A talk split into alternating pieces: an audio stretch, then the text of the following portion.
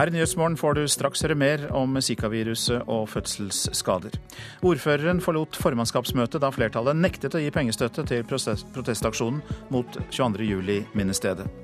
Oljeprisen har altså steget til sitt høyeste nivå i år. Vi skal analysere tallene. Og alkoholen lurer hjernen til å glemme bakrusen. Ny forskning om alkohol og atferd får du også høre om i Nyhetsmorgen.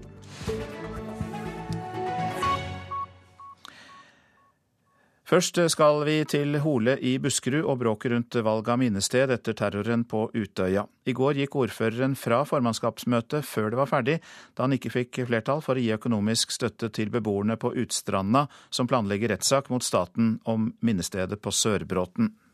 Ja, egentlig så er jeg målløs. Jeg syns det er eh, en, det er en spesiell opplevelse å stå her og, og overvære det. Ute på parkeringsplassen ved Hole herredshus står beboere fra Utstranda. De er skuffet over formannskapsmøtet, men Anne Gry Ruud og Marie Holtane Berge er enda mer forundret. For nå er de vitne til at ordføreren setter seg i bilen og reiser lenge før møtet er ferdig. Han er såpass personlig berørt òg at han valgte å gå. Han orka ikke å sitte der mer når han følte at alle, alle sine egne gikk imot han. Så ja, med unntak av én. Politikerne i Hole skulle ta stilling til om beboerne på Utstranda skulle få økonomisk støtte til rettssaken de anlegger mot staten for å stoppe byggingen av minnestedet på Sørbråten. Ordfører Per Berger ba politikerne si ja til å støtte beboerne med inntil 100 000 kroner. Pengene skulle tas fra formannskapets disposisjonskonto. På tilhørerbenken sitter beboere med tårer i øynene. Rundt bordet sitter politikere som kvier seg for å si nei, og lurer på om avstemmingen kan være hemmelig. Så stemmes det, og vedtaket går imot ordførerens innstilling. Fem av ni sier nei, deriblant to av partikollegene til ordføreren i Høyre. Eh, jeg mener at Holø kommune ikke er part i saken. Og eh, vi kan ikke, dessverre, støtte en velforening i en sak mot staten. Det sier Fredrik Skarstein og får støtte fra Elisabeth Klever. De to Høyre-politikerne hevder de stemte imot sin egen ordfører fordi saken er prinsipiell. Ja, det er jo klart et dilemma. Det har vært et kjempedilemma for meg, også som person. Det er klart at eh, Jeg vet at de som bor bortover der, har ikke bedt om noe av dette i det hele tatt. Og jeg vet at eh, kommunen har jobbet så mye i kulissene, og særlig Per Berger, med at ikke det her skulle bli valget at det minnesmerket skal være på Sørbråten. Men det er ikke det denne saken her egentlig handler om. For det er den prinsipielle i forhold til om kommunen skal støtte et, et, et vel. Det er det som er det prinsipielle her. Vi forstår ikke dette i det hele tatt. fordi at, eh, Hvordan kan man snakke om prinsipp i en terrorhandling? Det er helt umenneskelig. Man burde skamme seg, det er det jeg mener. Lederen av Utstranda velforening, Maria Holtane Berge, er skuffet over vedtaket. Men Utstranda-beboerne øyner et lite håp. For det siste ordføreren gjorde før han gikk, var å anke vedtaket. Per Berger vil ha saken opp i kommunestyret. Vi føler jo at ordføreren faktisk reiste seg for oss. At han sto opp for oss. Og det har vi trengt. Hva nå, da? Påvirker eh, dette resultatet rettssaken eventuelt? Nei, det gjør det ikke sånn sett. Vi, vi går videre. Og det sa til slutt Anne Gry Ruud i Utstranda velforening. Ordfører Per Berger ønsket ikke å snakke med NRK etter formannskapet i går kveld. Reporter var Anette Skafjell. Stortingsflertallet kommer i dag til å overkjøre regjeringen og vedta en rekke likestillingstiltak, bl.a. pålegg om å rekruttere flere kvinnelige mellomledere. Målet er at 40% av lederne på de øverste nivåene skal være kvinner, både i staten og i statlig eide selskaper. Sammen med opposisjonen sikrer Venstre og Kristelig Folkeparti flertall for en lang rekke tiltak når Stortinget i dag skal vedta likestillingsmeldingen. De ønsker også å gi gutter og jenter ekstrapoeng når de søker seg inn til studier der det motsatte kjønn er sterkt overrepresentert. Og det blir debatt om dette i Politisk kvarter kvart på åtte om en drøy time, altså. Så kaster vi oss over det avisene har på sine forsider. Mona Levin mener gruppa Carpe Diems nye rapplåt er jødehets, skriver Vårt Land. Ordet jøde ramses opp i samme åndedrag som grove skjellsord. Carpe Diem svarer at oppramsningen utelukkende er for å påpeke at begrepsbruken er problematisk når den tas ut av sin sammenheng. Ekstrempollen er tema for VG. Frøene fra ugressplanten Beis cambrosia sprer seg nordover, og den er ekstremt allergiskapende. Flere europeiske land forsøker å bekjempe planten, og i Tyskland er det organisert dugnader for å fjerne den. Nå vil Miljøpartiet De Grønne søke makt, er oppslaget i Dagsavisen. Den gjenvalgte talspersonen Rasmus Hansson og den nyvalgte Une Aina Bastholm sier i et felles intervju at partiprogrammet skal modnes fram mot valget i 2017. Store melkebruk har fire ganger større inntektsvekst enn mindre gardsbruk, viser tall fra jordbruksoppgjøret, referert i Nasjonen. Det er naturlig at vi som har satset eh, kan hente ut mest, sier jærbonden Trond G. Refve, mens Nina Vangen eh, Ranøyen i Orkdal sier at vi ikke kan ha slike forskjeller dersom vi skal ta hele landet i bruk. DNBs tidligere konsernrevisor Harald Jeknes fikk telefon fra bankens jurister da han var på hytta i forrige uke, og forklarte seg etter hukommelsen, skriver Dagens Næringsliv. På DNBs pressekonferanse mandag fikk Jeknes mye av skylda for DNBs virksomhet i skatteparadiset Seychellene, men han vil ikke kommentere sin egen rolle overfor mediene, altså Jeknes. Dagens eh, toppledelse har med to års unntak vært representert i DNB Luxembourgs styre siden 2005. Det er oppslaget i Aftenposten. Banken står fast ved at ledelsen ikke visste noe om postbokseselskapene DNB bisto med å opprette. Direktør og, direktører og rådgivere i eierskapsavdelingen i Næringsdepartementet har aksjer i statens selskaper DNB, Hydro og Yara, skriver Klassekampen. Kommunikasjonssjef Trond Viken svarer at de ansatte må rapportere om innehav og handel med aksjer, og at de ikke kan følge opp de samme selskapene i eierskapsavdelingen. De vil bore hull i domkirken for å finne Magnus Lagabøtes sarkofag, skriver Bergensavisen. Det kirkelige fellesråd i byen har søkt Riksantikvaren om lov til å lete bak korveggene etter kongen som døde i Bergen i 1280.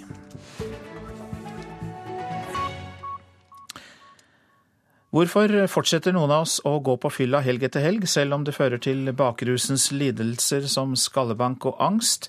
Nå viser eh, ny forskning at alkoholen kan påvirke oss slik at vi ikke lærer av våre negative opplevelser, altså at alkoholen demper vår evne til å huske de negative følgene av fyllekulene. Og stipendiat ved Psykologisk institutt ved Universitetet i Oslo, Ragnhild Bø, velkommen. Ja, takk for det. Du har jo jobbet med dette og funnet ut om denne sammenhengen mellom fylla og hjernen, og hvilken sammenheng har du funnet? Ja, Vi har studert eh, personer som jevnlig går på fylla, og ser hvordan det påvirker deres hjerne. Og det vi har funnet ut, er at personer som jevnlig går på fylla, de justerer atferden sin i mye mindre grad etter å ha opplevd negative konsekvenser enn personer som ikke så jevnlig går på fylla. Vi antar med det her at eh, det er en av årsakene til at eh, folk fortsetter å gå på fylla, til tross for de negative konsekvensene det medfører. Det virker altså som at eh, negative konsekvenser som skallebank og fylleangst ikke virker inn. Eh, og når fredagen kommer, så turer de fram med samme type drikkemønster som de hadde eh, helga i forveien. Men er det altså da noe som skjer i hjernen påvirket av alkoholen, da, som eh, får folk til å glemme at de hadde det så veldig vondt en uke tidligere? Ja, altså det som skjer i, med hjernen når vi drikker alkohol, det er jo at alkoholen tas opp i blodbanen, passerer blod-hjernebarrieren og går inn i sentralnervesystemet og, og hjernen, og fungerer der som en nervegift. På, eh, ved lave nivåer så føler vi oss mindre hemma, lettere sinns, mer risikovillige, som er de ønska konsekvensene av eh, alkoholpåvirkning. Mens det ved høyere doseringer gjør at vi føler oss sløva, ukoordinerte, får sløra tale, blir kvalme og i ytterste konsekvens etter hvert blir bevisstløse for blackouts. Eh, I forbindelse med at vi får tilført denne nervegifta i hjernen, så prøver eh, hjernen å kompensere eh, for å gjenfinne en balanse. Og det er bl.a. derfor vi føler oss mer påvirka av en oppadstigende promille enn en nedadgående promille. Når da alkoholen forbrennes og er på vei ut igjen av kroppen, så kan det føre til nevrotoksiske prosesser, noe som innebærer at hjerneceller Eh, blir skada eller dør. Ja, så der eh, når eh, alkoholen er på vei ut, så blir hjerneceller skadet, og så fører da det til glemsel, at vi glemmer de negative opplevelsene? Ja, altså etter uh, en fyllekule så vil vi antagelig ikke kunne se det. Men hvis man ved gjentatte ganger utsettes for uh, uh, høye alkoholdoser, altså at man blir sterkt berusa, så vil det på sikt kunne føre til endringer i kognitive funksjoner. Og hva er da mest skadelig? Høyt inntak av alkohol over kort tid, den norske måten å drikke på tradisjonelt, eller et jevnt fordelt forbruk? Eh, det vi har sett i vår studie, er at det er eh, de som går hardt på fylla, de som får høye promilletopper, det er de som får nedsatt fungering. Eh, vi finner ikke den sammenhengen for den totale mengden alkohol de har inntatt i løpet av en uke. Noe som eh, i tall kanskje kan si det at å drikke ti enheter på en kveld er mer uheldig for hjernens fungering enn det å skulle fordele de her ti enhetene utover eh, hele uka. Hvilke lærdommer bør samfunnet da trekke av den forskningen dere har drevet med? Eh, de lærdommene samfunnet bør trekke, er at det drikkemønsteret som har vært veldig eh, akseptert i samfunnet eh, hittil, det er jo et drikkemønster som har vedvart kanskje helt fra vikingenes tid. At det faktisk også kan ha konsekvenser på lang sikt, og ikke bare de umiddelbare konsekvensene av å være veldig full, hvor du utsetter deg for skader og risiko. Takk for at du opplyste oss, eh, Ragnhild Bø, som er stipendiat ved Psykologisk institutt ved Universitetet i eh, Oslo. Og om vi skal gå så langt som å si at det var en eh, bakrus, vet jeg ikke, men det føltes nok slik for mange branntilhengere i går, da årets første cupbombe sprakk. For eh, Brann tapte mot eh, Førde, og eh, for første gang på 77 år røk laget ut av cupen etter første runde. Og det måtte straffespark til for å få en avgjørelse. Det er bare å beklage, det var litt trist for oss. Men Førde gjorde en kjempejobb, hadde en fantastisk keeper. og Vi hadde nesten 20 sjanser, men vi skårer ikke mål, og da vinner ikke du fotballkamper. Det ble en cupthriller med stolpeskudd og bom på åpent mål for begge lag, og alt måtte avgjøres på straffer.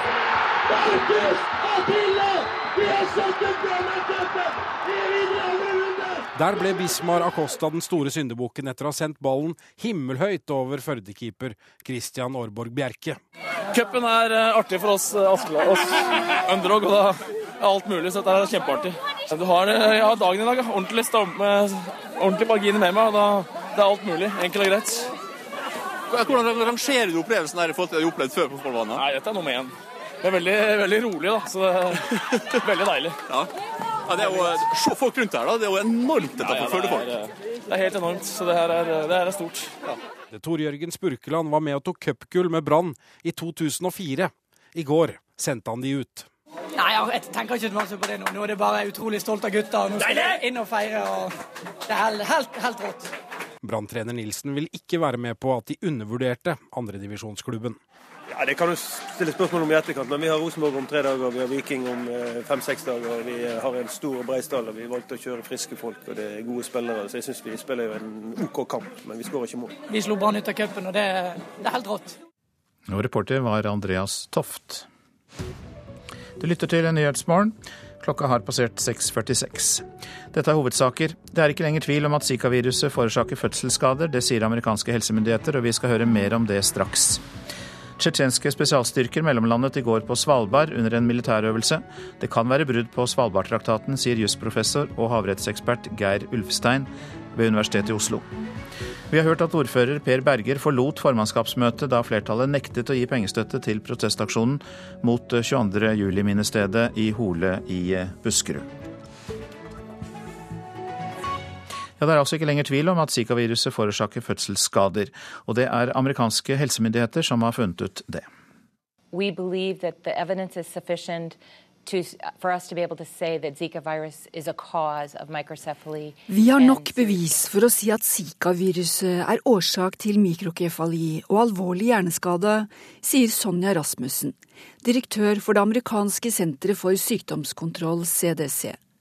Senteret mener at viruset også kan forårsake andre alvorlige hjerneskader hos fostre. I februar erklærte Verdens helseorganisasjon at Zika-viruset er et globalt helseproblem. Det satte i gang en rekke studier for å bevise at det er en sammenheng mellom viruset og mikrokefali. Og nå kommer altså resultatet fra det amerikanske senteret, som slår fast at det er en sammenheng. Og det er første gang det er påvist at en sykdom som spres via mygg, kan gi fødselsskader, sier Rasmussen. Of course, we know that there are other types of infections that cause birth defects, a number of them, but this is the first. Det var brasilianske myndigheter som i fjor rapporterte om økt forekomst av fosterskaden, samtidig med et utbrudd av zikafeber i landet. Senere har en rekke land i Latin-Amerika hatt utbrudd av zikasmitte. Og i går fortalte Folkehelseinstituttet at fem norske gravide kvinner har fått påvist antistoffer av zikavirus, noe som indikerer at de har vært smittet av viruset. Sa reporter Inger Marit Kolstad Bråten. Oljeprisen har steget til sitt høyeste nivå i år. Et fat nordsjøolje koster nå drøyt 43 dollar. Sjefanalytiker i Nordea, Tina Saltvedt, velkommen hit. Takk skal du ha. Hvorfor stiger prisen? Det er både litt forventninger om et stort møte mellom en del av oljeprodusentene, både i dette OPEC-kartellet som produserer rundt 40% av verdens oljeproduksjon, og ikke minst Russland til søndag. Det er et håp om at de i hvert fall kommer til å fryse sin produksjon. Og det gjør at det kan bli litt mindre olje i markedet. Og så ser vi også at den enorme oljeproduksjonen som har kommet de siste eh, åtte årene i USA, den har begynt å avta, faktisk falle litt raskere nå på nyåret. Og det skaper en optimisme om at det kan bli litt mindre olje i markedet fremover. Forventer du da at prisen går videre opp? Jeg tror at eh, for øyeblikket så beveger prisene seg mye på forventninger om at det skal bli et bedre marked utover året. Slik at jeg tror ikke at oljeprisen skal veldig mye lenger opp. Eh, men selvfølgelig avhenger det mye av hva som skjer til søndag på dette møtet i Doha. Eh, så veldig mye lenger opp fra dagens nivå, det, det tror jeg ikke på en liten stund ennå. Rundt 43 dollar fatet som det er nå, er det nok til å få i gang oljebransjen igjen på Vestlandet? Nei, dessverre så skulle vi nok gjerne hatt litt høyere oljepris for det. Nå skal det jo sies at dette store Johan Sverdrup-funnet det begynner jo å bli lønnsomt på disse priser. Men hvis vi går lenger nord, opp mot Johan Castberg og de prosjektene som er planlagt i nord, så trenger vi høyere oljepriser. Men det er klart at en høyere oljepris skaper en viss optimisme også. Og samtidig som oljeprisen stiger, så har jo da den norske krona fulgt med og gått opp. Ja, er det en klar bieffekt av oljeprisens stigning? Ja, man kan vel kalle det en liten bieffekt, fordi at når oljeprisen kollapset og har hatt en veldig negativ effekt på den oljetunge delen av Norge, så har vi fått god drahjelp av at kronekursen har svekket seg. For det gjør jo at vi blir mer konkurransedyktige ute. Når krona da begynner å styrke seg litt igjen, så får bl.a. fiskeri, som har hatt god drahjelp av en svak krone, det er klart at de får litt mer motstand. Nå tror jeg virkelig ikke at kronekursen skal opp på de nivåene vi så før oljeprisen begynte å falle, men en noe styrket krone, det er klart at det, det, skaper en del utfordringer for eksportindustrien, og ikke minst Norges Bank. Det kan bety at Norges Bank er nødt til å kutte renten raskere, fordi, fordi da må hjelpe eksportindustrien på andre måter. Ja, for De eneste som jubler, er jo selvfølgelig de som skal på ferie til utlandet. Men resten av Norge har jo stor glede av en lav kronekurs. Ja, og ikke minst så får vi mange turister som kommer til Norge. Sånn at vi har jo hatt glede av en, en svakere kronekurs nå en stund. Så en, en oppgang, klart, det skaper noen utfordringer, sånn som situasjonen er nå. Kan vi oppsummert si at Norge nå bør kunne tenke på utbygging av nye oljefelt igjen? Jeg tror på dagens oljepris så er det for tidlig å snakke om. fordi at for det første så ser vi ikke lønnsomhet der utenom da dette store Johan Sverdrup-funnet. Sånn at enten så må kostnadene ytterligere ned, og så må nok oljeprisen opp for at de skal bli lønnsomme. Så enn så lenge så er vi ikke på, på det nivået at vi kan snakke om veldig mange nye prosjekter på norsk sokkel. Takk for at du kom, Tina Saltvedt, sjefanalytiker i Nordea. Nå til Tønsberg, der vanskeligstilte får mindre mat av Frelsesarmeen. Hjelpeorganisasjonen har valgt å kutte tilbudet fra én matpose i uka til annenhver uke for å klare å få hjelpe alle. Og det siste året har pågangen av folk som trenger mathjelp fra Frelsesarmeen økt kraftig. Han trenger mat i dag. Han har ikke mat. Nei, men han var her forrige uke, Ja, og det gjelder for alle. Beklager, men sånn er det. Det går bra. Ja. Nesten 30 mennesker står i matkø utenfor Frelsesarmeens lokaler i Tønsberg. Matutdelingen er et tilbud til folk som opplever at pengene ikke strekker til. Men ikke alle får med seg en pose med mat i dag.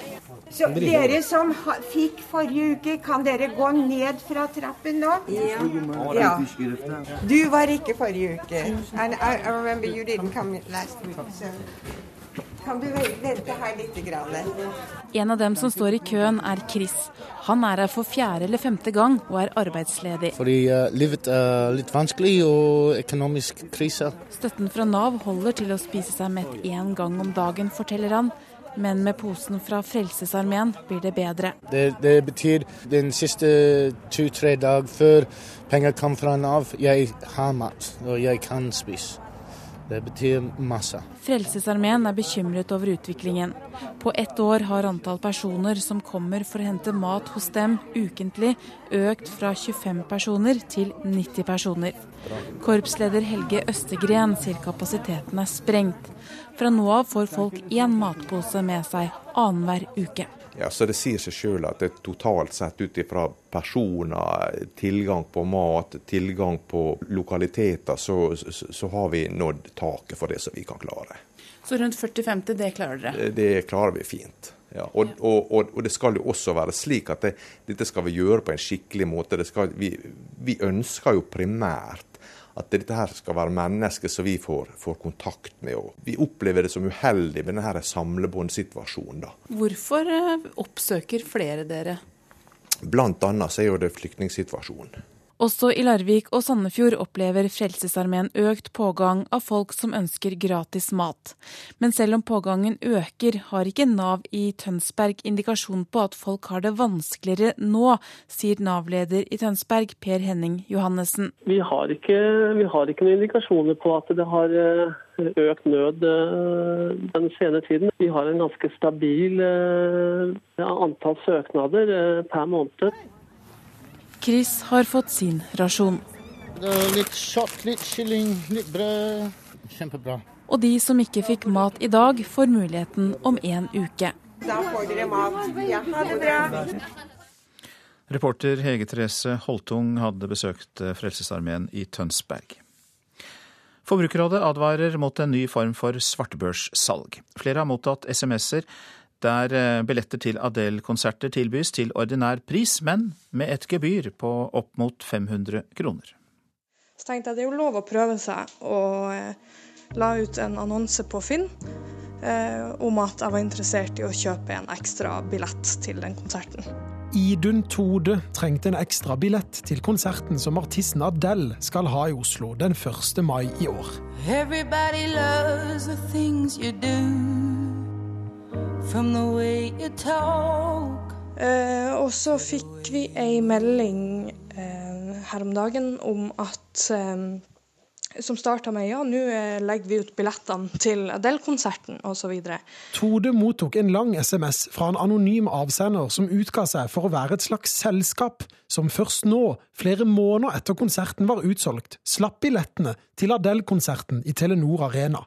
Videre står det at billettene selges til ordinærpris, men med 495 kroner i provisjon. Mailen inneholder også et konkret avsendernavn, et telefonnummer og en e-postadresse. Rundt 25 personer skal ha mottatt denne SMS-en. Dette er jo klart brudd på, på svartebørsloven. Eh, Forteller Frode Elton Haug i Forbrukerombudet. Det er ikke lov å ta betalt eh, noe mer enn det som er pålydende pris på billetten. Han får støtte av Ingeborg Flønes i Forbrukerrådet. Hun forteller at stadig mer svindel og ulovligheter nå skjer via SMS. Kanskje vi som forbrukere er litt mer uh, uforsiktige når vi får SMS-er, så dette er nok muligens en ny måte å lure oss som forbrukere på. NRK prøver å ringe personen som selger ulovlige Adele-billetter. Hei, den du ringer kan ikke ta telefonen. Men har etter gjentatte forsøk ikke fått svar. Som NRK har fortalt tidligere, blir 2016 et eksepsjonelt godt år for det norske konsertpublikummet. Flere toppartister i verdensklasse kommer til landet, som Rihanna, Bruce Springsteen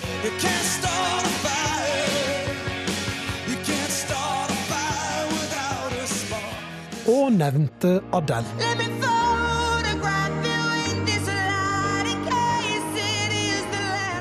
Store navn vil også føre til mer svartebørssalg, sier Haug i Forbrukerombudet. Det er jo eh, mer populære arrangement her, og jo fortere de blir utsolgt, jo eh, større tilbud vil det ofte bli, eller større marked vil det bli for eh, svartebørsbilletter. Jeg tenker den eneste måten man kan unngå at sånne ting fortsetter, er, er at man lar være å kjøpe.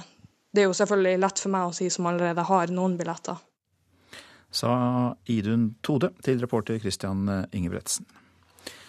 Og så tar vi for oss værvarselet. Sør for Dovre først. Spredt regn i innlandet. I morgentimene stedvis snø østafjells. Nær kysten oppholdsvær og gløtt av sol. I morgen kveld kommer en kaldfront med regn inn mot Vestlandet. Da øker også vinden til sørvestlig liten kuling på kysten nord for Stad. Altså i kveld blir det, ikke i morgen kveld, men i kveld. Nord for Dovre økende sørvestlig vind først på dagen, stiv kuling på kysten av Troms. Det trekker inn skyer og etter hvert litt sludd, sludd eller regn i Trøndelag og Nordland. Lenger nord færre snøbyger, og det går mot oppholdsvær først i Troms og så på vidda. Spitsbergen lettskyet, rolig vintervær. Temperaturer målt klokka fem. Svalbard lufthavn minus 15, Kirkenes minus 5, Vardø og Alta minus 3. Tromsø minus 1, Bodø minus nei, minus 2, ja. Brønnøysund 0, Trondheim minus 3, Molde minus 1. Og så kommer plussgradene. Bergen 4, Stavanger 7, Kristiansand 3, Gardermoen 2, Lillehammer 1. Og så er det kanskje ikke så overraskende minus på Røros, minus 3, mens det var pluss 5 på Oslo-Blindern klokka fem i natt.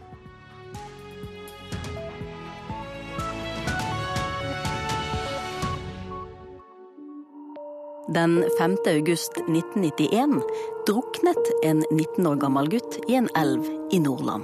Man kan nevne Joar, men man snakker ikke om han, og man snakker jo ikke om, om sorgen eller om at han døde. Familien har aldri snakket om det som skjedde, før nå. Fortell meg om Joar. Radiodokumentaren lørdag klokken ti i NRK P2.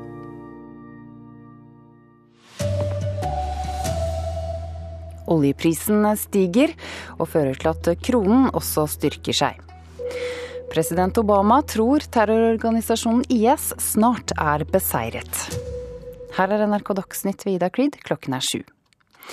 Oljeprisen har steget til sitt høyeste nivå i år. Et fat nordsjøolje koster nå 44 kroner og 80 øre. Sjefanalytiker i Nordea Tina Saltvedt sier at et viktig møte kan være blant årsakene til prisstigningen. Det er både litt forventninger om et stort møte mellom en del av oljeprodusentene, både i dette OPEC-kartellet som produserer rundt 40% av verdens oljeproduksjon, og ikke minst Russland til søndag. Det er et håp om at de i hvert fall kommer til å fryse sin produksjon. Og det gjør at det kan bli litt mindre olje i markedet. Og så ser vi også at den enorme oljeproduksjonen som har kommet de siste åtte årene i USA, den har begynt å avta, faktisk falle litt raskere nå på nyåret. Og det skaper en optimisme om at det kan bli litt mindre olje i markedet fremover. Forventer du da at prisen går videre opp? Jeg tror at For øyeblikket så beveger prisene seg mye på forventninger om at det skal bli et bedre marked utover året. slik at Jeg tror ikke at oljeprisen skal veldig mye lenger opp. Men selvfølgelig avhenger det mye av hva som skjer til søndag på dette møtet i Doha. Så veldig mye lenger opp fra dagens nivå, det, det tror jeg ikke på en liten stund ennå. Intervjuer Øystein Heggen. USAs president Barack Obama sier at IS dager er talte.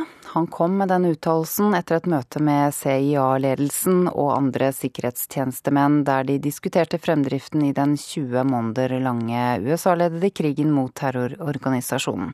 Presidenten viser bl.a. til nye amerikanske luftangrep, der tre av de øverste IS-lederne ble drept, og en rapport denne uken som viser at gruppen ikke har hatt så liten slagkraft på to år.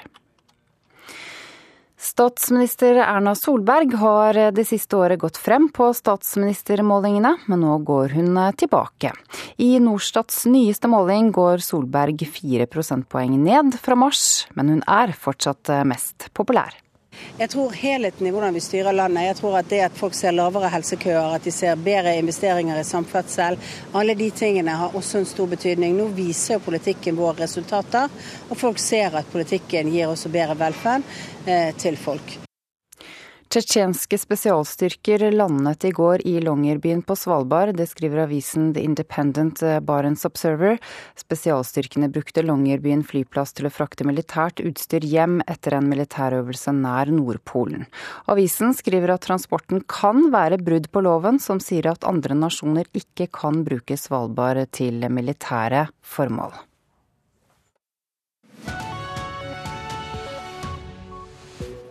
Og Nyhetsmorgen fortsetter med disse sakene. De fleste norske barn har det bra, men nær 5% av barn mellom 11 og 15 år har dårlig livskvalitet, viser FN-rapport. Barneminister Solveig Horne kommenterer rapporten hos oss. Vi analyserer statsministertallene nå når Erna Solberg faller på NRKs siste måling. Her får du også mer om at tsjetsjenske spesialstyrker har brukt flyplassen på Svalbard under en øvelse. Og i Storbritannia fortsetter opposisjonen med å presse statsminister David Cameron etter bråket rundt hans personlige finanser. Ja, Nærmere 5% av norske barn i alderen 11 til 15 år har dårlig livskvalitet. Det viser en fersk rapport fra Unicef. Det tilsvarer én til to elever i hver skoleklasse. Barne-, ungdoms- og familiedirektoratet ser på det som alvorlig. Det kan jo være at de har det vanskelig på skolen med sosialt, eh, med venner og sånne ting. Hvis de føler seg utenfor og sånne ting, så kan jo det virkelig påvirke livet ditt, da. Forteller Johanne Øyen Aas, syvendeklasseelev ved Sagene skole i Oslo, som ikke synes det er greit at norske barn ikke opplever å ha det bra.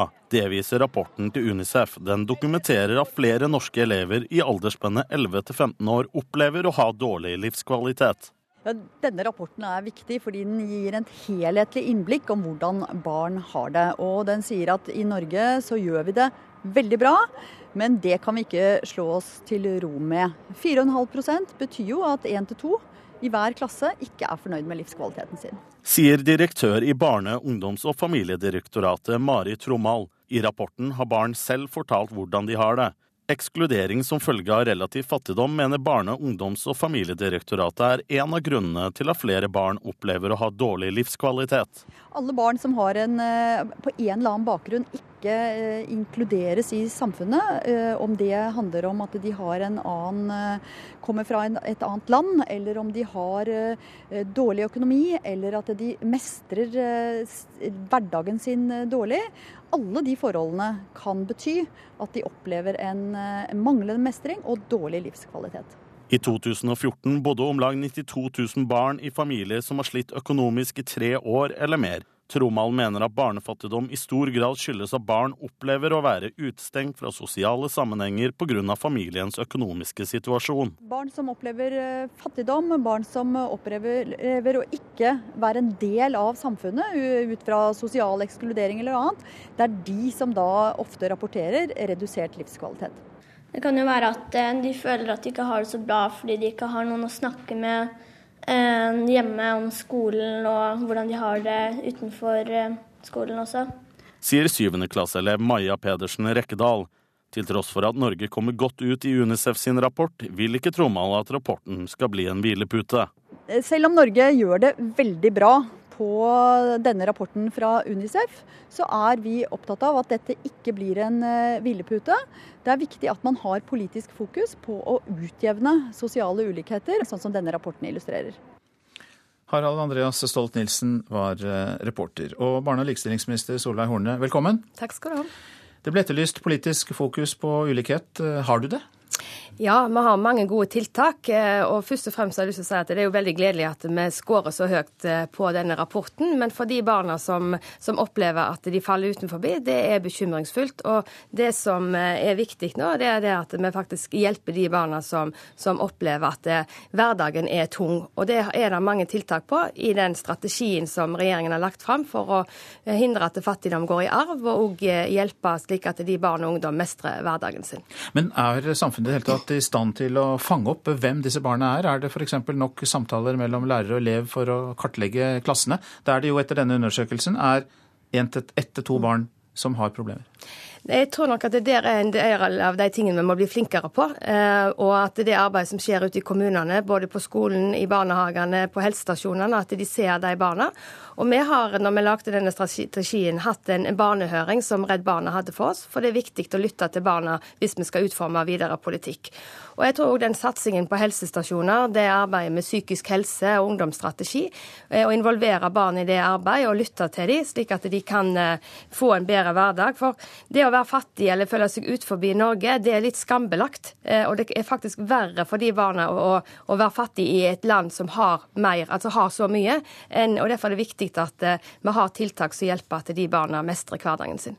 Og Nå er jo det tiltak i miljøene der barna er, som du sier, skal komme som dere jobber med. Men eh, hvis vi ser på hele samfunnet, Tromal var jo inne på det, nettopp dette med å utjevne sosiale forskjeller. Har dere en strategi for det? Det aller viktigste vi kan gjøre for barn som, i, nei, som bor i, i, fattige familier, er jo å få foreldrene i arbeid. Eh, og det er en viktig målsetning for regjeringen. Men jeg er bekymra for framtida. For vi ser for første gang at av statistikker så er minoritetsfamilier i flertall. Og når vi vet at det tar lengre tid for å få innvandrerne ut i arbeid, så er det noe som går utover de barna. Derfor er det viktig at de barna blir sett av, eh, av kommunen, av de av skolene. At det der er den tilskuddsordningen som nå er på 164 millioner, som gjør at kommunene kan søke på fritidsaktiviteter, ferietilbud. At de barna at de blir sett, og at de får det tilbudet for å mestre hverdagen. Det, vet, ja. vet, du nok om dette til å kunne si at, eller sette merkelappen innvandrerbarn på de nærmere 5% som sier at de virkelig har det vanskelig? Det er, det er, ikke, det er norske barn òg, men det er altså overrepresentert av innvandrerbarn. Og det vet at de har det svært vanskelig, og derfor er det viktig at vi, vi ser dem ekstra. Takk skal du ha, barne- og likestillingsminister Solveig eh, Horne. Og så har programleder for Politisk kvarter, Lilla Sølhusvik, kommet i studio i eh, mellomtiden. Du skal ha med deg Solveig Horne i Politisk kvarter. Absolutt, for dette er en merkedag for norsk likestilling. Det sier i hvert fall opposisjonen, som i dag tar sikte på å banke gjennom 60 forslag til likestilling i Stortinget, mye mot denne regjeringens vilje. Det handler om kvotering i skole, til studier og i arbeidslivet, og mye annet. Jeg tar med barne- og likestillingsministeren, der hun skal møte opposisjonen, som denne gangen inkluderer partiene KrF og Venstre, som hun vanligvis samarbeider med. Takk skal dere ha.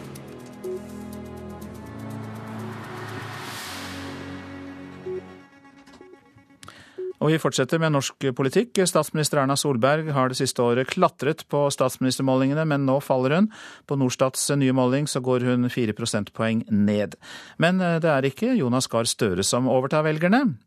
Flere enn før er nemlig usikre. Hvem mener du er best skikka til å være statsminister i Norge? Jeg skulle jo sagt Jonas Gahr Støre, men jeg tror nok kanskje Erna Solberg holder, jeg. Det er vel egentlig ikke så store forskjellen, egentlig. Jeg har ikke noe navn jeg kan komme opp med hvem jeg tenker er best der. Det hersker litt tvil blant enkelte, men flertallet mener Erna Solberg er best skikka til å styre landet. 42,6% av de spurte i Norstats ferskeste statsministermåling foretrekker den sittende statsministeren. Men tallet er en nedgang på hele 4 prosentpoeng fra mars. Det var jo en voldsomt god måling sist gang. da. Sier statsminister Erna Solberg. Og selv denne målingen er jo blant mine absolutt beste. Så det var kanskje en veldig høy måling, og kanskje det var en veldig slag av entusiasme akkurat da. Og kanskje har hun grunn til å være fornøyd. For i løpet av det siste året har hun gått fra å ligge bak til å bli mer populær enn hovedmotstander Jonas Gahr Støre fra Arbeiderpartiet. Folk ser ut til å like statsministeren fra Høyre. Hun er rolig, hun er flink, hun er saklig og er så orientert på alt. Nei, Jeg syns egentlig at Erna gjør det bra, jeg. Ja. Sier folk på gata. Det siste året har vært prega av et rekordhøyt antall asylsøkere til Norge og oljekrise og ledighet. Likevel er altså statsministeren mer populær enn på samme tid i fjor. Solberg selv forklarer det slik. Jeg tror helheten i hvordan vi styrer landet. Jeg tror at det at folk ser lavere helsekøer, at de ser bedre investeringer i samferdsel, alle de tingene har også en stor betydning. Men ikke alle mener Erna er best skikka. Jonas Gahr Støre. Hvorfor det? Nei, jeg syns han er uh, profesjonell og, og dyktig. Liksom han har uh, Ja, jeg tror han hadde egna seg bra til rollen. På den målingen så er jo vi omtrent omtrent på samme nivå. Sier leder i Arbeiderpartiet Jonas Gahr Støre. Men han ligger altså nesten 4 prosentpoeng bak statsministeren på 38,9 Og Det betyr at eh, vi får en jevn innspurt mellom to blokker, antageligvis. Og hvordan de kommer til å se ut, får vi se. Og mellom to politikere. Og det gleder jeg meg til. Det er bra og spennende å møte Erna Solberg til debatt. Samtidig er flere enn før usikre. For den oppslutninga som Erna Solberg mista fra mars til april, den går ikke til Støre. Den går i boksen vet ikke. 18,5% svarer det. Ja, men Hvis de går fra Erna Solberg til meg via å være usikker, så skal jeg takke for det. Og kanskje de som er usikre på hvem som er best skikka, ønsker seg noen helt andre til å styre landet. Jeg liker vel Jens Stoltenberg, jeg. Ja. Jens Stoltenberg. Erna Solberg, da? Erna Solberg, nei, jeg syns ikke hun er så flink statsminister. Reporter her Rina Kjelle og Lisbeth eh, Skei. Politisk kommentator i NRK, Lars Nehru Sand. La oss snakke om denne boksen, vet ikke. Hvorfor klarer ikke Jonas Gahr Støre å sikre seg velgerne Erna Solberg mister? Et poeng kan jo være at han eh, rett og slett ikke har et eh, så tydelig regjeringsalternativ, eh, eller går til valg på noe konkret politikk ennå, forståelig nok, for så vidt, det er over et år til valget. Men at i folks bevissthet så er det fortsatt noe igjen før han fremstår som den helt åpenbare utfordreren. Selv om vi vet at da ikke bare Støre, men også Arbeiderpartiet gjorde det veldig bra på målingene for et par år siden, så skyldtes jo det nettopp at Ap tok alle velgerne som var misfornøyde med regjeringen. Så eh, evnen til å gjøre det ligger definitivt der. Hva er grunnen, eller grunnene til at Erna Solberg eh, går tilbake? Eh, det er jo en, snakk om en justering, vil jeg si, fra et veldig høyt nivå. Som hun selv er inne på, så gjorde hun sin eh, beste, eller fikk sin beste notering på disse målingene eh, noensinne etter valget i 2013. At hun gjør det så sent i perioden som vi er nå, som hun da gjorde forrige måned, og, og går ned noe nå, det, er, det, er, oppsiktsvekkende i og for seg. Og det viser at hun og hennes fire partier ligger godt an 500 dager dager før et valg, eh, og kanskje og, og bedre an enn en det Jens Stoltenberg gjorde før 2013-valget. Men det er kanskje vanskelig å finne noen spesielle saker som vi kan peke på som grunn til dette? da? Ja, Det kan du si. Altså det at den krisesaken ligger under deg både når det gjelder økonomi og, og, innvandring og andre ting, det gjør jo For det første så gjør det at mange kanskje eh, føler at man vet hva man har, men ikke hva man får, for å si det sånn. Eh, og det kan snu. Så det er ingen, eh, ingen langvarig eh, selvfølgelighet at det skal vedvare. Eh, men det andre poenget er jo at eh, det at det er store saker som, som preger nyhetsbildet, gjør at de sakene som stiller regjeringen i et dårlig lys, er kanskje vanskelig for en opposisjon å komme på med, mens de sakene som viser at en regjering er nødt til å ta ansvar, eh, vil prege et, eh, et nyhetsbilde. Den, den, den, siste uken har jo også helt andre saker, som, som Panama-dokumentene, eh, preget nyhetsbildet. Og så er det dette med sammenhengen mellom statsministermålinger og eh, partiene. Hvordan er den? Det henger selvfølgelig nøye sammen. og det er klart at en statsministerkandidat som, som, har eh, partier som gjør det godt med seg, vil, vil selvfølgelig også nyte godt av det i, i, en slags personlig tillit. Eh, kanskje spesielt når vi bare måler med to partiledere, som vi gjør her. Og det viser jo det, understreker det poenget fra, fra hovedbarometeret, eller partibarometeret, at den borgerlige blokken gjør det eh, veldig bra for tiden. Mange takk skal du ha, politisk kommentator i NRK, Lars eh, Nehru Sand. Dette er Nyhetsmorgen. Klokka den er 7.16. Vi har disse hovedsakene. Oljeprisen har eh, steget til sitt høyeste nivå i år. Et fat nordsjøolje koster nå drøyt 43 dollar. Det er ikke lenger tvil om at Zika-viruset forårsaker fødselsskader. Det sier amerikanske helsemyndigheter. Og vi har hørt at Erna Solberg har klatret på meningsmålingene i ett år, men nå faller hun på NRKs siste måling. Tsjetsjenske spesialstyrker har brukt flyplassen på Svalbard under transport av personell og utstyr under en øvelse i nærheten av Nordpolen. Det skriver avisa The Independent Barents Observer. Den tsjetsjenske presidenten har lagt ut bilder av hendelsen og uttalt at landet forbereder seg på å ta imot sine helter. Dette er president Ramzan Kadyrov i Tsjetsjenia. En nært alliert av Russlands president Vladimir Putin anklages av menneskerettighetsaktivister for å ha bestilt drapet på krigsjournalisten og forfatteren Anna Politkovskaja og den russiske politikeren Boris Nemtsov. President Kadyrov har nylig lagt ut bilder på sin Instagram-konto av tsjetsjenske spesialsoldater på flyplassen på Svalbard. Det er The Independent Barents Observer som først omtalte at de tsjetsjenske styrkene landet på Svalbard. Hvis det er å anse som militærvirksomhet, så er det brudd på den norske suvereniteten. Jusprofessor og havrettsekspert Geir Ulstein ved Universitetet i Oslo sier denne episoden kan være brudd på Svalbardtraktaten. Han sammenligner denne episoden med det som skjedde i fjor, da den russiske visestatsministeren Dmitrij Rogozin besøkte Svalbard i all hemmelighet og viste seg frem på billedtjenesten Instagram. Det er litt sånn spørsmål om det er enkeltpersoner som har behov for å vise seg fram, eller om dette her er uttrykk for en offisiell russisk politikk. Og Når det gjaldt visestatsministeren, så var det vel ikke en mening fra russiske myndigheter å provosere. Men det er klart at uh, dette er eh, ting som er uh, ganske sensitive, og som det kan bli mye oppmerksomhet rundt. Svalbardtraktaten, som gir Norge suverenitet over Svalbard, slår fast i artikkel 9 at øygruppen skal være en avmilitarisert sone. Men at flyplassen blir brukt under transporten av Tsjetsjenias øvelse, er ikke nok til å bryte denne, hevder jusprofessoren. Ja, jeg mener eh, Etter de informasjonene som jeg, jeg har fått, så, så, er det ikke grunn til å, å, anta at det er et brudd på artikkel 9. Artikkel 9 den forbyr etablering av flåtebaser, befestninger og bruk av Svalbard i krig, men det forbyr ikke all militær virksomhet. Sånn at det er artikkel 1 om Norges suverenitet over Svalbard, det er det jeg mener er det mest sentrale. Utenriksdepartementet skriver i en e-post til NRK at et kommersielt flyselskap har søkt og fått en rammetillatelse for mellomlandinger på Svalbard med omlasting av utstyr og personell som skal til og fra den såkalte Barneo-basen ved Nordpolen. De legger ved at så lenge gjeldende regelverk overholdes, har ikke norske myndigheter noen innvendinger mot flygninger via Svalbard sa reporter Eirik Tufteland Kroken. Og vi har med oss eh, Moskva-korrespondent eh, Morten Jentoft. Eh, hvordan vurderer du dette, om det betyr noe for forholdet mellom Norge og Russland? Det som er jo interessant her, det er jo nettopp som det ble sagt i, i dette innslaget, det er måten dette blir presentert på på russisk side. Eh, Visestatsminister Dmitrij Ragozin han kunne da ikke holde seg tilbake og la ut bilder eh, på sin Twitter-konto, eh, der han bl.a. skrev at eh, hvor han latterliggjorde litt den norske kritikken av det som hadde skjedd. Det er for seint å stenge brønnen når barna har druknet, skrev han i en, sin kjente litt sånn røffe stil.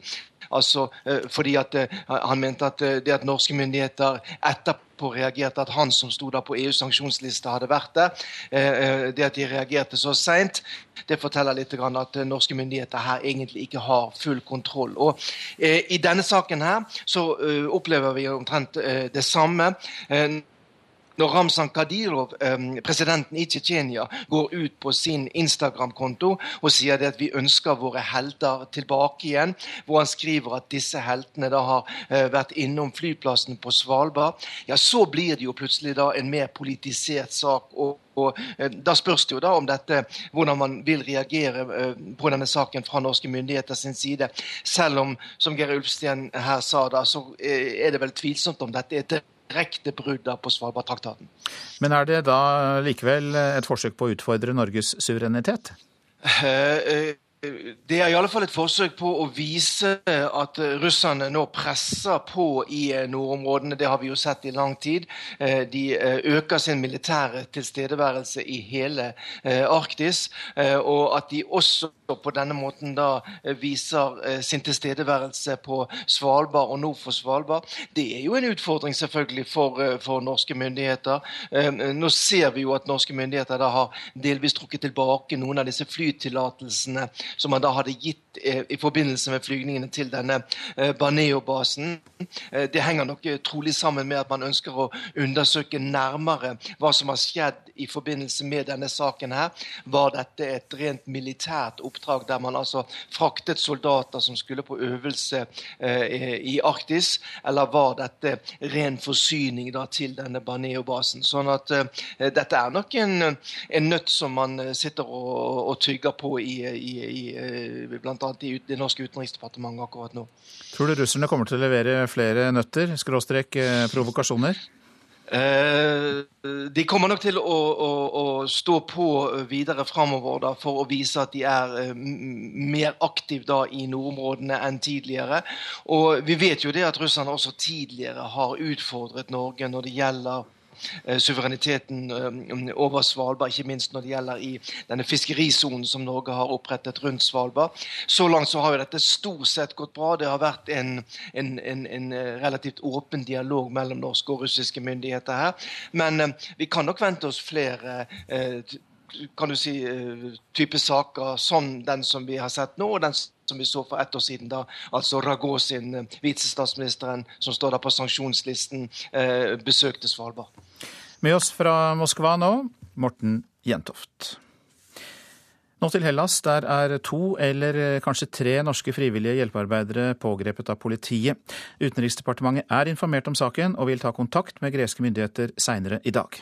Nordmenn jobbet som frivillige hjelpearbeidere nær flyktningleiren i Domeni, på den greske siden av grensen mellom Hellas og Makedonia. Den frivillige norske hjelpeorganisasjonen Northern Lights Aid opplyser på sine Facebook-sider at de pågrepne ikke jobbet for dem, men at de var en del av en større gruppe frivillige som ble pågrepet i går. En annen hjelpeorganisasjon, Intervolv, skriver i en pressemelding at fire av deres frivillige ble pågrepet fordi de hadde med seg toveis radiokommunikasjonsutstyr inn til flyktningleiren. NRK har vært i kontakt med norsk UD i morges. De opplyste at de er kjent med saken, og at den norske ambassaden i Aten vil følge opp med greske myndigheter senere i dag. Sa reporter Fredrik Lauritzen. Vi tar en titt på avisene. Mona Levin mener gruppa Carpe Diems nye rapplåt er jødehets, skriver Vårt Land. Ordet jøde ramses opp i samme åndedrag som grove skjellsord. Carpe Diem svarer at oppramsningen utelukkende er for å påpeke at begrepsbruken er problematisk når den tas ut av sin sammenheng. Ekstrempollen er tema for VG. Frøene fra ugressplanten Beis cambrosia sprer seg nordover, og den er ekstremt allergiskapende. Flere europeiske land forsøker å bekjempe planten, og i Tyskland er det organisert dugnader for å fjerne den. Nå vil Miljøpartiet De Grønne søke makt, er oppslaget i Dagsavisen. Den gjenvalgte talsperson Rasmus Hansson og den nyvalgte Une Aina Bastholm sier i et felles intervju at partiprogrammet skal modnes fram mot valget i 2017. Store melkebruk har fire ganger større inntektsvekst enn mindre gardsbruk, viser tall fra jordbruksoppgjøret, referert i Nasjonen. Det er naturlig at vi som har satset, kan hente ut mest, sier jærbonden Trond K. Refve, mens Nina Vangen Ranøyen i Orkdal sier at vi ikke kan ha slike forskjeller dersom vi skal ta hele landet i bruk. DNBs tidligere konsernrevisor Harald Jeknes fikk telefon fra bankens jurister da han var på hytta i forrige uke, og forklarte seg etter hukommelsen, skriver Dagens Næringsliv.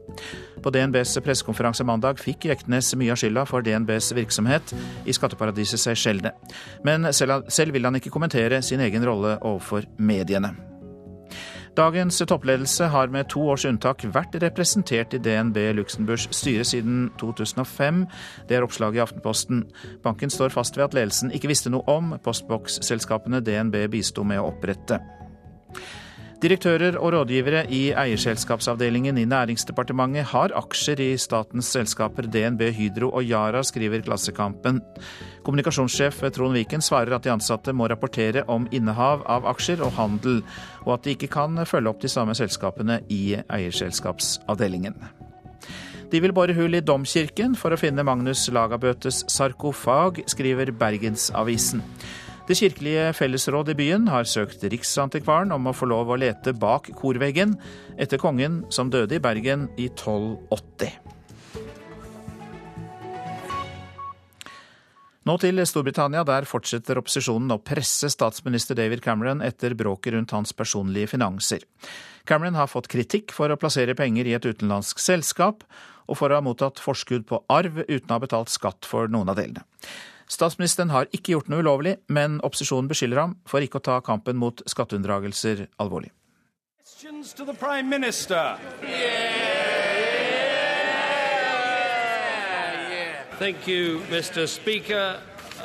Det er uhyre sjelden å høre statsminister David Cameron nøle når han reiser seg i sin ukentlige spørretime. Særlig fordi han sier nøyaktig det samme hver eneste gang. I seks år har han åpnet med å si i morges møtte jeg med mine ministerkolleger og andre. I tillegg til mine plikter i dette huset skal jeg ha flere slike møter senere i dag. Men han ante kanskje at mannen med grått hår og skjegg på andre siden av bordet hadde planlagt et angrep.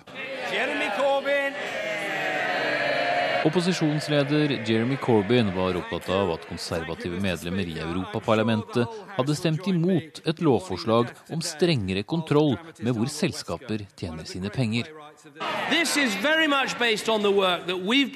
Jaha, sa Corbyn, så hvis dette var et forslag utarbeidet av dere, hvorfor stemte da dine partifeller imot? Og fortsatte å hamre løs på at regjeringen også har kuttet i antall ansatte i skattevesenet som kunne oppdaget skatteunndragelser. Why har he laid off so many staff of HMRC who therefore cannot collect those taxes? Cameron parerte med å si at han var glad for at opposisjonslederen var opptatt av hva regjeringen drev med, før han la til at Corbyns selvangivelse var nærmest en metafor for Labours politikk, forsinket, kaotisk feil og ikke hadde dekning. His tax return was a for Labour policy. It was late, it was chaotic, it was inaccurate, it was uncosted. That's exactly. I actually paid more tax than uh, some companies owned by people that he might know quite well. Men Corbyn lot seg ikke affisere.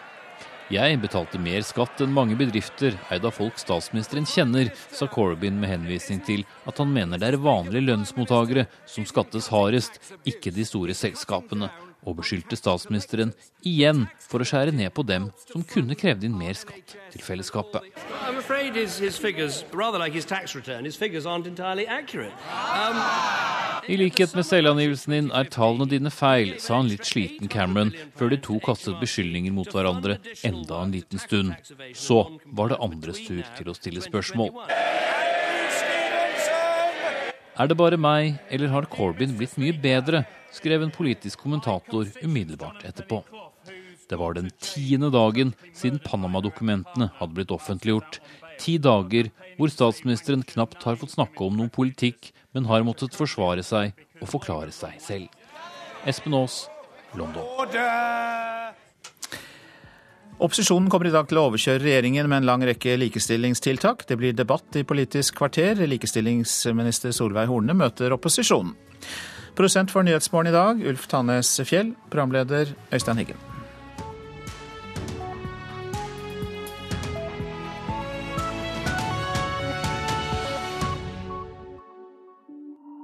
Den 5. august 1991 druknet en 19 år gammel gutt i en elv i Nordland. Man kan nevne Joar, men man snakker ikke om han, og man snakker jo ikke om, om sorgen eller om at han døde. Familien har aldri snakket om det som skjedde, før nå. Fortell meg om Joar. Radiodokumentaren lørdag klokken ti i NRK P2.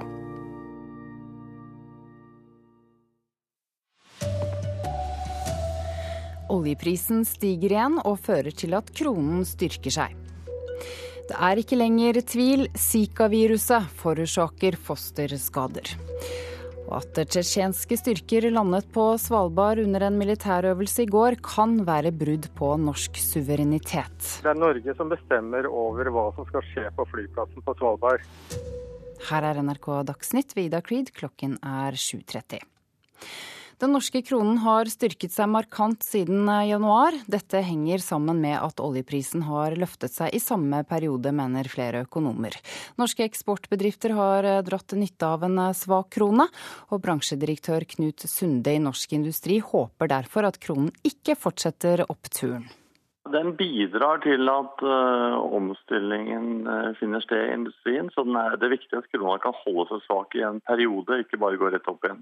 Den svake norske krona har kanskje vært til frustrasjon for mang en norsk sydenturist, men for norske eksportbedrifter har den vært en kjærkommen drahjelp i en tid der det mye omtalte oljeprisfallet har vært en skikkelig bremsekloss. Men når oljeprisen nå har løftet seg fra bunnen på rundt 27 dollar fatet i januar til drøyt 43 dollar i dag, har den også dratt krona med seg oppover. Flere økonomer venter at både krona og oljeprisen skal videre oppover. En av dem er analytiker Tina Saltvedt i Nordea Markets. Krona har jo fylt eh, oljeprisen ganske tett det siste ett og et halvt året. Og nå har vi jo sett at oljeprisen har begynt å stige, og det gir også en styrking av krona. Så vi venter at eh, kronekursen vil følge oljeprisen noe oppover i løpet av 2016. Noen dramatisk kronestyrking tror ikke Saltvedt på enn så lenge, bl.a. fordi Norges Bank fortsatt har mulighet til å kutte renta, noe som normalt vil svekke krona. Knut Sunde i Norsk Industri håper hun har rett. Nei, Vi er klar over at dette kunne skje, men vi håper at eh, moderat lønnsoppgjør og fortsatt krutt igjen i Norges Bank gjør at den oppgangen blir moderat. Reporter Halvard Norum. Det er ikke lenger tvil om at Zika-viruset forårsaker fosterskader. Det sier amerikanske helsemyndigheter nå. We believe that the evidence is sufficient to, for us to be able to say that Zika virus is a cause of microcephaly. Vi har nok bevis for å si at Zika-viruset er årsak til mikrokefali og alvorlig hjerneskade, sier Sonja Rasmussen, direktør for det amerikanske senteret for sykdomskontroll, CDC. Mikrokefali gjør at barn fødes med liten hodeskalle og underutviklet hjerne. Senteret mener at viruset også kan forårsake andre alvorlige hjerneskader hos fosteret. I februar erklærte Verdens helseorganisasjon at Zika-viruset er et globalt helseproblem. Det er satt i gang en rekke studier for å bevise at det er en sammenheng mellom viruset og mikrokefali. Og nå kommer altså resultatet fra det amerikanske senteret, som slår fast at det er en sammenheng. Og det er første gang det er påvist at en sykdom som spres via mygg, kan gi fødselsskader, sier Rasmussen. Of course, we know that there are other types of infections that cause a number of them, but this is the first one that's spread by a mosquito that can cause birth effects in humans. Det var brasilianske myndigheter som i fjor rapporterte om økt forekomst av fosterskaden, samtidig med et utbrudd av zikafeber i landet. Senere har en rekke land i Latin-Amerika hatt utbrudd av zika-smitte.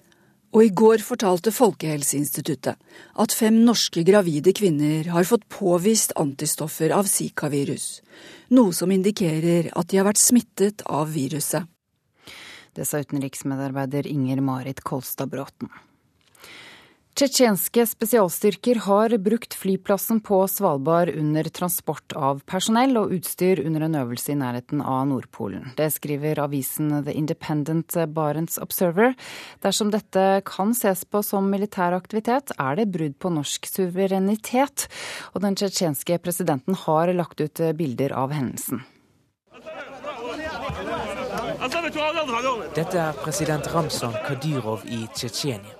En nært alliert av Russlands president Vladimir Putin anklages av menneskerettighetsaktivister for å ha bestilt drapet på krigsjournalisten og forfatteren Anna Politkovskaja og den russiske politikeren Boris Nemtsov. President Kadyrov har nylig lagt ut bilder på sin Instagram-konto av tsjetsjenske spesialsoldater på flyplassen på Svalbard.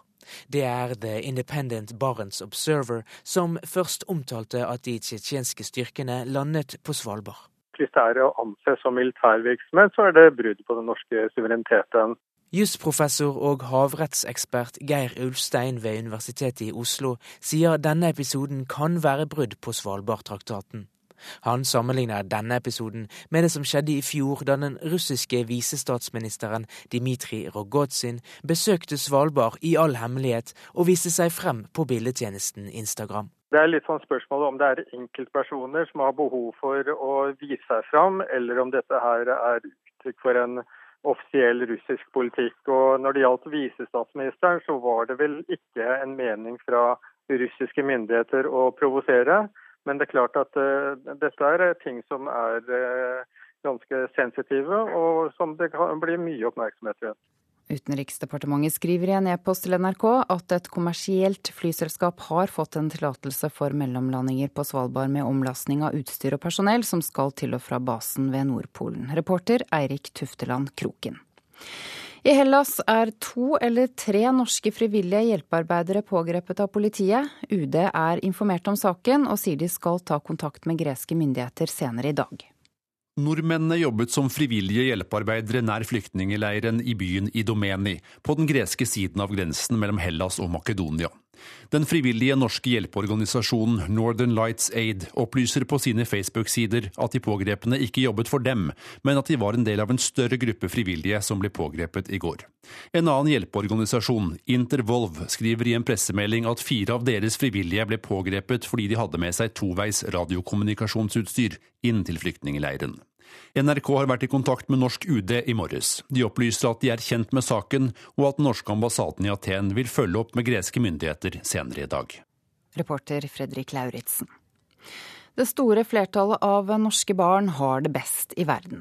Samtidig viser en rapport fra Unicef at nærmere 5% av barn i Norge i alderen 11 til 15 år har dårlig livskvalitet. Det tilsvarer én til to elever i hver skoleklasse. Ehm, det kan jo være at de har det vanskelig på skolen med sosialt, eh, med venner og sånne ting. Forteller Johanne Øyen Aas, syvendeklasseelev ved Sagene skole i Oslo som ikke synes det er greit at norske barn ikke opplever å ha det bra. Det viser rapporten til Unicef. Den dokumenterer at flere norske elever i aldersspennet 11 15 år opplever å ha dårlig livskvalitet. Den sier at i Norge så gjør vi det veldig bra, men det kan vi ikke slå oss til ro med. Sier direktør i Barne-, ungdoms- og familiedirektoratet Mari Tromal. I rapporten har barn selv fortalt hvordan de har det. Ekskludering som følge av relativ fattigdom mener Barne-, ungdoms- og familiedirektoratet er en av grunnene til at flere barn opplever å ha dårlig livskvalitet. Barn som opplever eh, fattigdom, barn som opplever å ikke være en del av samfunnet ut fra sosial ekskludering eller annet, det er de som da ofte rapporterer redusert livskvalitet.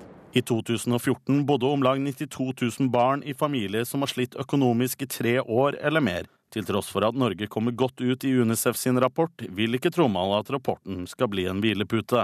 Selv om Norge gjør det veldig bra på denne rapporten fra Unicef, så er vi opptatt av at dette ikke blir en eh, hvilepute. Det er viktig at man har politisk fokus på å utjevne sosiale ulikheter, sånn som denne rapporten illustrerer. Reporter her var Harald Stolt-Nielsen. Statsminister Erna Solberg har det siste året klatret på statsministermålingene. Toppen ble nådd i forrige måned. Men i Norstats nyeste måling går Solberg noe ned, uten at Jonas Gahr Støre går tilsvarende frem. Erna Solberg. Fantastisk. Erna Solberg. Folk på gata liker statsministeren fra Høyre, og de har flertallet med seg. 42,6% av de spurte i Norstats statsministermåling for april mener at Erna Solberg er best skikka til å være statsminister. Men tallet er en nedgang på hele 4 prosentpoeng fra mars. Det var jo en voldsomt god måling sist gang. da. Sier statsminister Erna Solberg. Selv denne målingen er jo blant mine absolutt beste. Kanskje det var en veldig slag av entusiasme akkurat da. På den målingen så er jo vi omtrent omtrent på samme nivå. Sier leder i Arbeiderpartiet Jonas Gahr Støre. Men han ligger altså nesten 4 prosentpoeng bak statsministeren på 38,9 Samtidig er flere enn før usikre. For eh, den oppslutninga som Erna Solberg mista fra mars til april, den går i boksen 'vet ikke'. I Politisk kvarter blir det mer om dette, reporter Irina Kjelle. Og ansvarlig for Dagsnytt denne morgenen er Sven Gullvåg.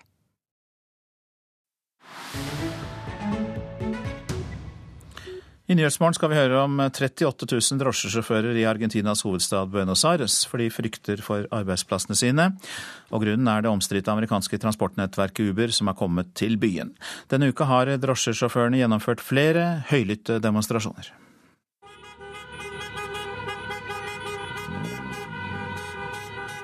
Sinte drosjesjåfører sperrer trafikken i den argentinske hovedstaden. Sjåførene er rasende fordi Uber etablerer seg i storbyen Buenos Aires. De mener at arbeidsplassen til 38 000 drosjesjåfører nå er truet.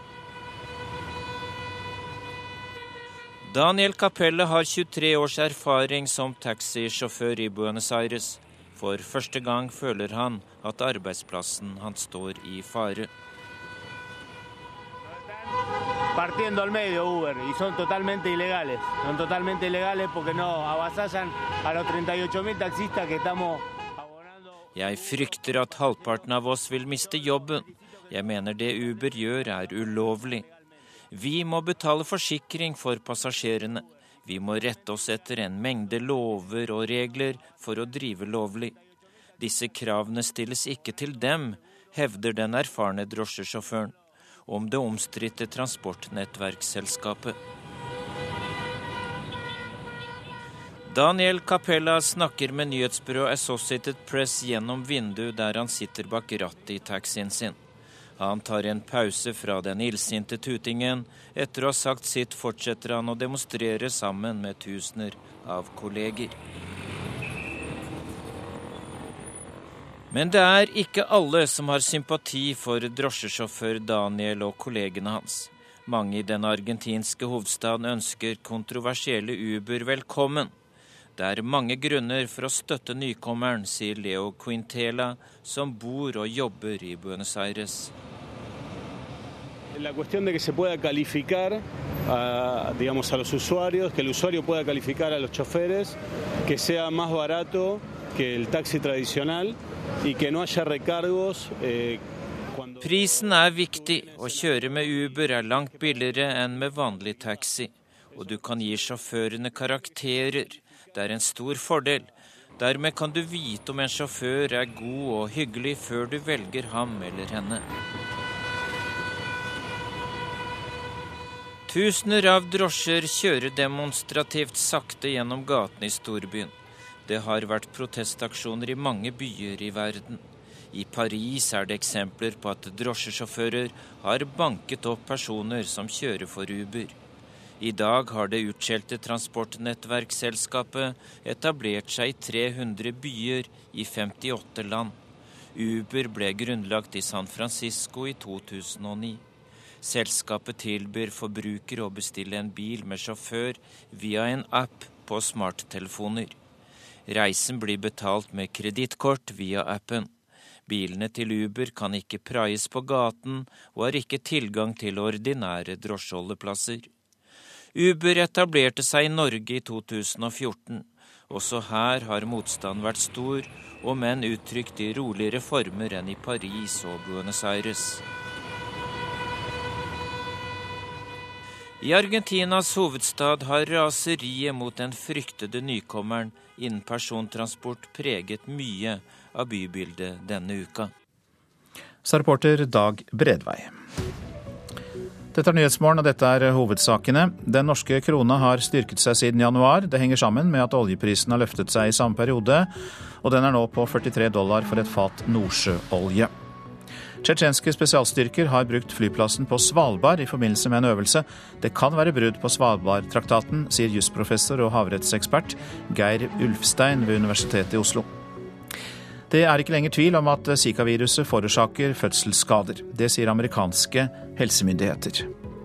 I Hellas er to eller tre norske frivillige helsearbeidere pågrepet av politiet. Utenriksdepartementet er informert om saken og skal ta kontakt med greske myndigheter i dag. Nå går det mot Politisk kvarter, og det er ved Lilla Sølhusvik.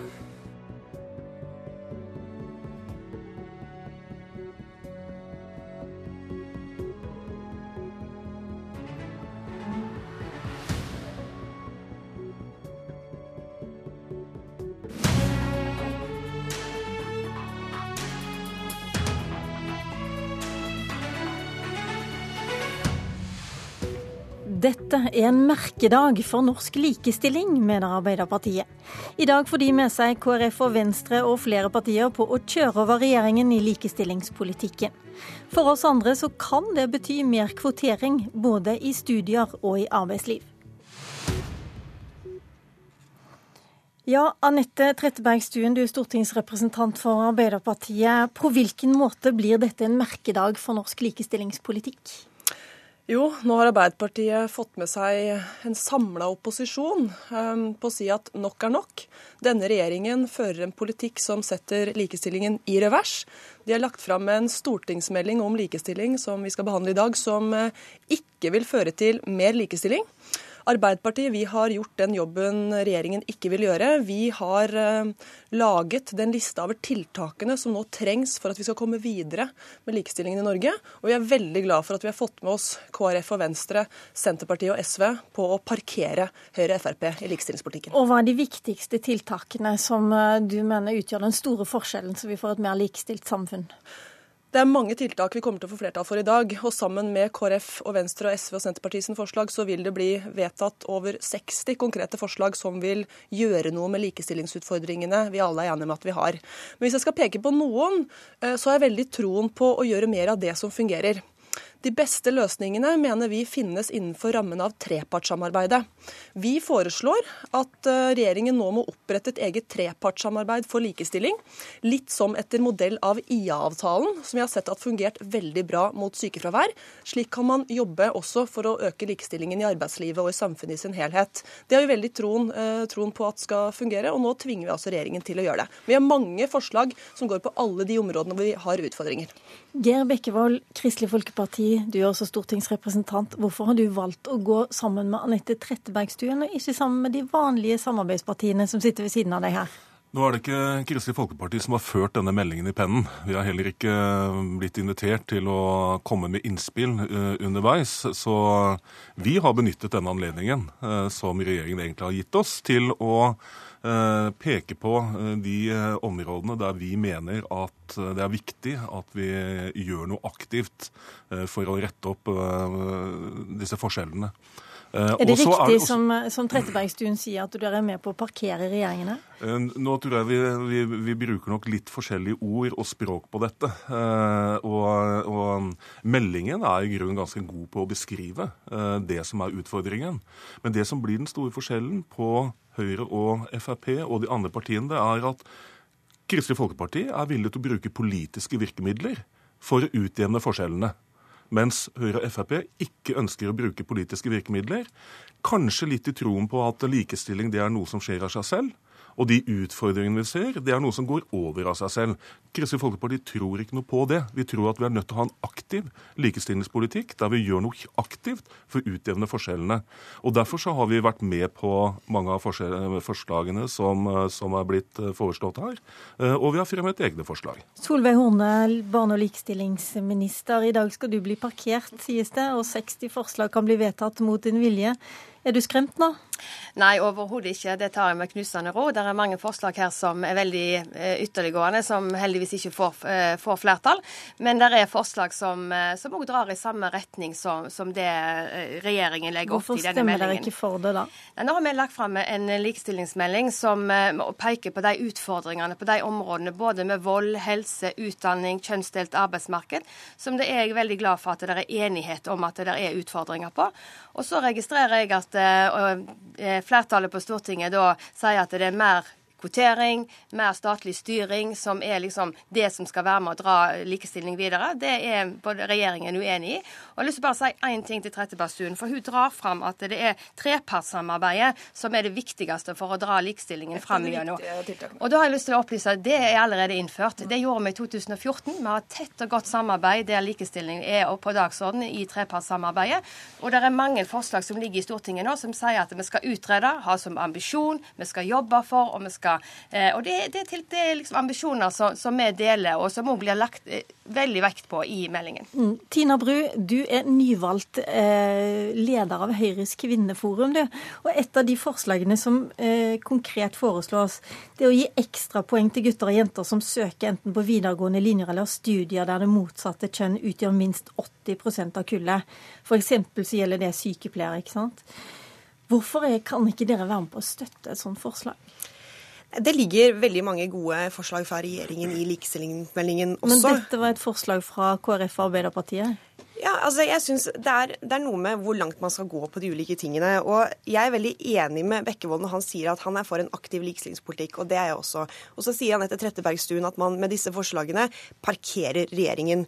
Men forslagene er altså alvorlig talt veldig runde i formuleringen. Det er jobbe for, ha mål om, ha ambisjoner om, og spesielt når det gjelder dette med kvotering og kvinner. Men har ikke dere mål om ambisjoner for jo, da, siden dere nettopp, ikke stemmer for dette? Jo, nettopp, og det står også i meldingen fra regjeringen. Så det som forundrer meg litt her, er jo at KrF har valgt å gå inn på masse forslag som jeg mener er ganske godt omtalt i meldingen fra før, eh, og som er også mer av et, et tiltak som man vet egentlig ikke fungerer så godt. Slår dere inn åpne dører, Bekkevold? Nei, det gjør vi absolutt ikke. Og noe av det som er mangelen i denne meldingen, det er jo nettopp de konkrete tiltakene, de konkrete ambisjonene.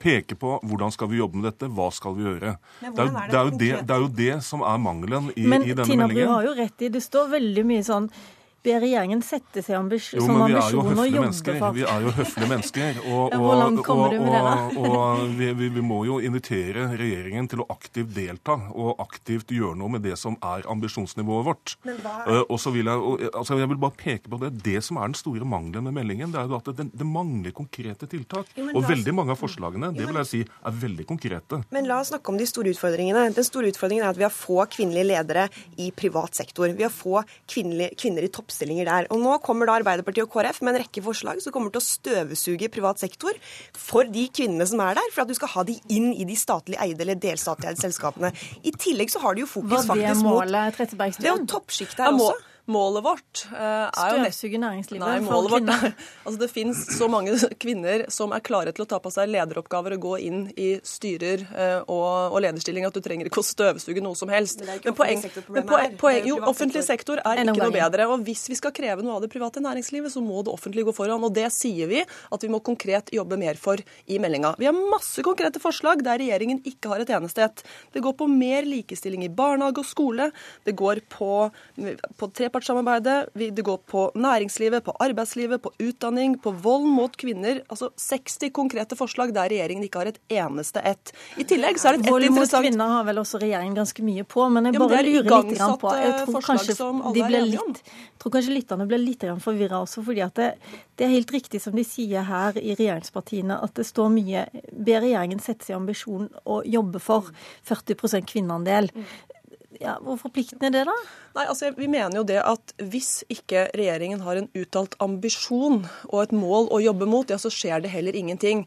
Og hvis dette forslaget er så selvsagt, så skjønner ikke jeg hvorfor ikke Frp og Høyre stemmer for det i Stortinget i dag. Ja, hvorfor gjør de ikke det? Horne? Hvis at da 30-personen hadde lest stortingsmeldingen, så står det veldig klart at vi har som ambisjon det er å få flere kvinner i ledende posisjoner. Og det som Tina Bru sier her, at det er i næringslivet det er en utfordring. Vi har et kjønnsdelt arbeidsmarked. Og i statlige bedrifter så er det altså for første gang nå ca. 51% ledere. I departementene, i ytre etater, så er vi altså på 49 og 52 kvinnelige ledere. Så vi er på god vei. Men det er altså viktig at vi har eh, tiltak som går på de utfordringene som er der. Det er på vold. Det er mange forslag fra denne regjeringen. Det går på helse. Det går på det kjønnsdelte arbeidsmarkedet. Det går altså på, på utdanning. Og det er tiltak som ligger i meldingen.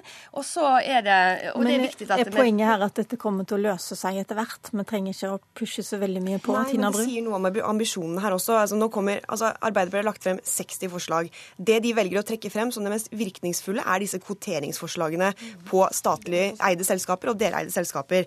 Det man egentlig kan oppsummere disse 60 forslagene fra Arbeiderpartiet med, det er å si at de fleste av de er bare økt byråkrati, flere likestillingssentre osv. Og så har de en rekke forslag som jeg mener er helt poengløse. F.eks. det at alle elever på skoler med kjønnsovervekt skal få en egen mentor. Altså, Hva gjør det med de store strukturelle utfordringene egentlig? Man tar ikke tak i det som er de største problemene. Hvorfor da ikke f.eks. si De sier du skal reversere endringene i arbeidsmiljøloven. Det er kanskje en av de få tingene som virkelig har gjort noe med å utjevne forskjellene. Nettopp fordi at kvinner nå kan jobbe mer fleksibelt og få flere jeg registrerer- Ett heltidsstillinger. poeng om gangen. Mer byråkrati, Trettebergstuen? Er overhodet ikke. Og jeg, det er jo typisk at Høyre og Frp kaller de som hver eneste dag jobber for økt likestilling i likestillingsombud og på likestillingssentrene for økt byråkrati. Vet du hva? Det å være likestillingsbyråkrat det er en hedersbetegnelse. Det er de som hver dag gjør jobben.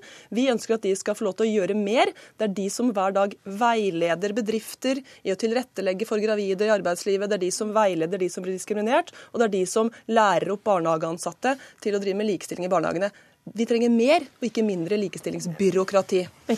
Ja, jeg er helt enig i det. Eh, Dette er folk som har skoa på, og som jobber med likestilling hver dag. Men jeg vil bare jeg, jeg syns det er underlig å høre, eh, spesielt Høyre, eh, kritisere forslag eh, fordi at vi ikke Eller fordi at vi ber regjeringen ha ambisjoner, eller ber regjeringen å, å, å utrede.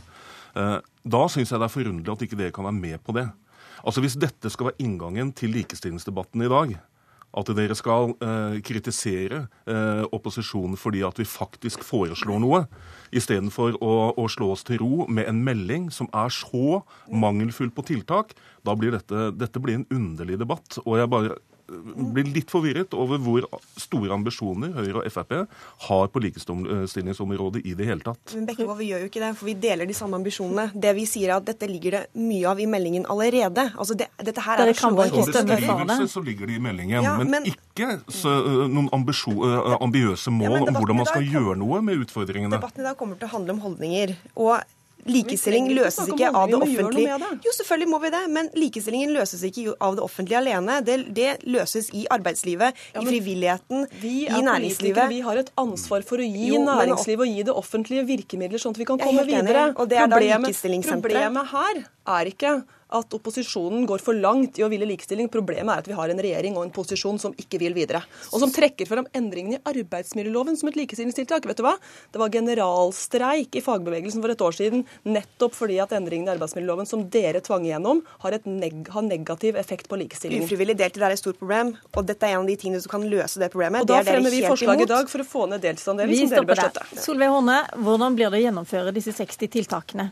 Nå får ikke alle disse 60 tiltakene flertall, men eh, jeg forholder meg til enhver tid til et flertall i Stortinget. Men så er vi uenige, vi men vi har et felles mål. 25 av de får flertall, i hvert fall. Men den debatten den tas i Stortinget klokka ti. Og NRK følger selvfølgelig denne saken også utover dagen.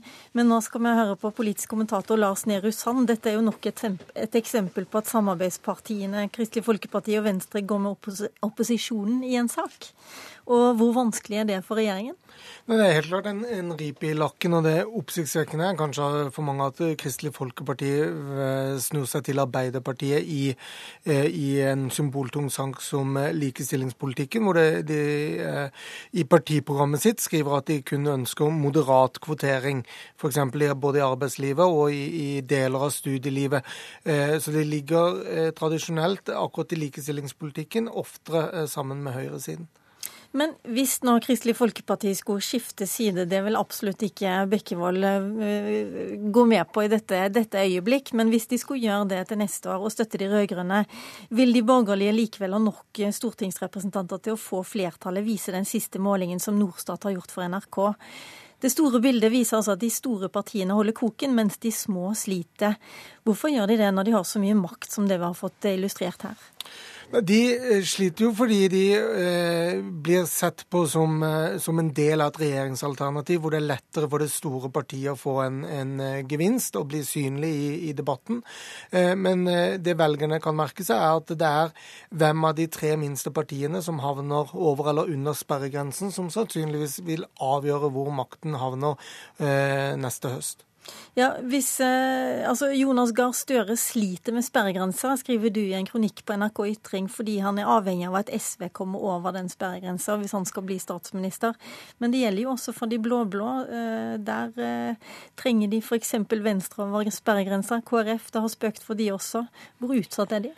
Kristelig Folkeparti og Venstre har vært under sperregrensa på enkeltmålinger så langt i år, mens SV og Miljøpartiet De Grønne har vært under på månedssnittet, altså snitt av åtte målinger stort sett, som presenteres i norske medier hver måned. Det betyr at eh, for SV og Miljøpartiet De Grønne så spøker det enda mer, og det er jo de partiene som Støre er avhengig av. Mens eh, KrF tror jeg vi kan definitivt ha i parentes, men også Venstre, som sliter med lav lojalitet, eh, er i større grad over sperregrensen, og det gjør at Solberg kan være være litt mer fornøyd enn Støre for tiden. Det ble nederlag i dag, men de rød-grønne sliter mest med sperregrensa. I studio i dag, Lilla Sølhusvik.